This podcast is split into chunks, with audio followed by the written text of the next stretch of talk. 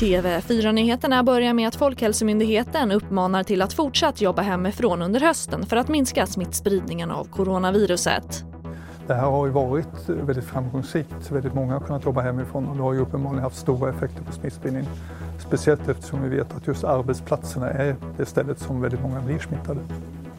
Och samtidigt ska de som måste åka till jobbet kunna göra det utan trängsel och risk för smitta i kollektivtrafiken. Och nya riktlinjer för kollektivtrafiken kommer om en vecka.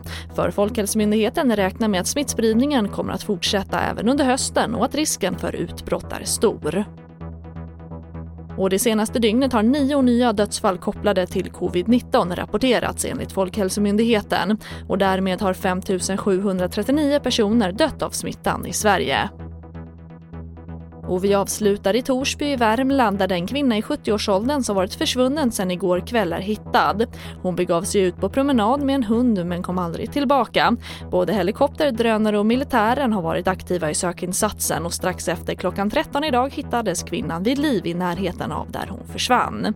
Och det får avsluta TV4-nyheterna. Jag heter Charlotte Hemgren.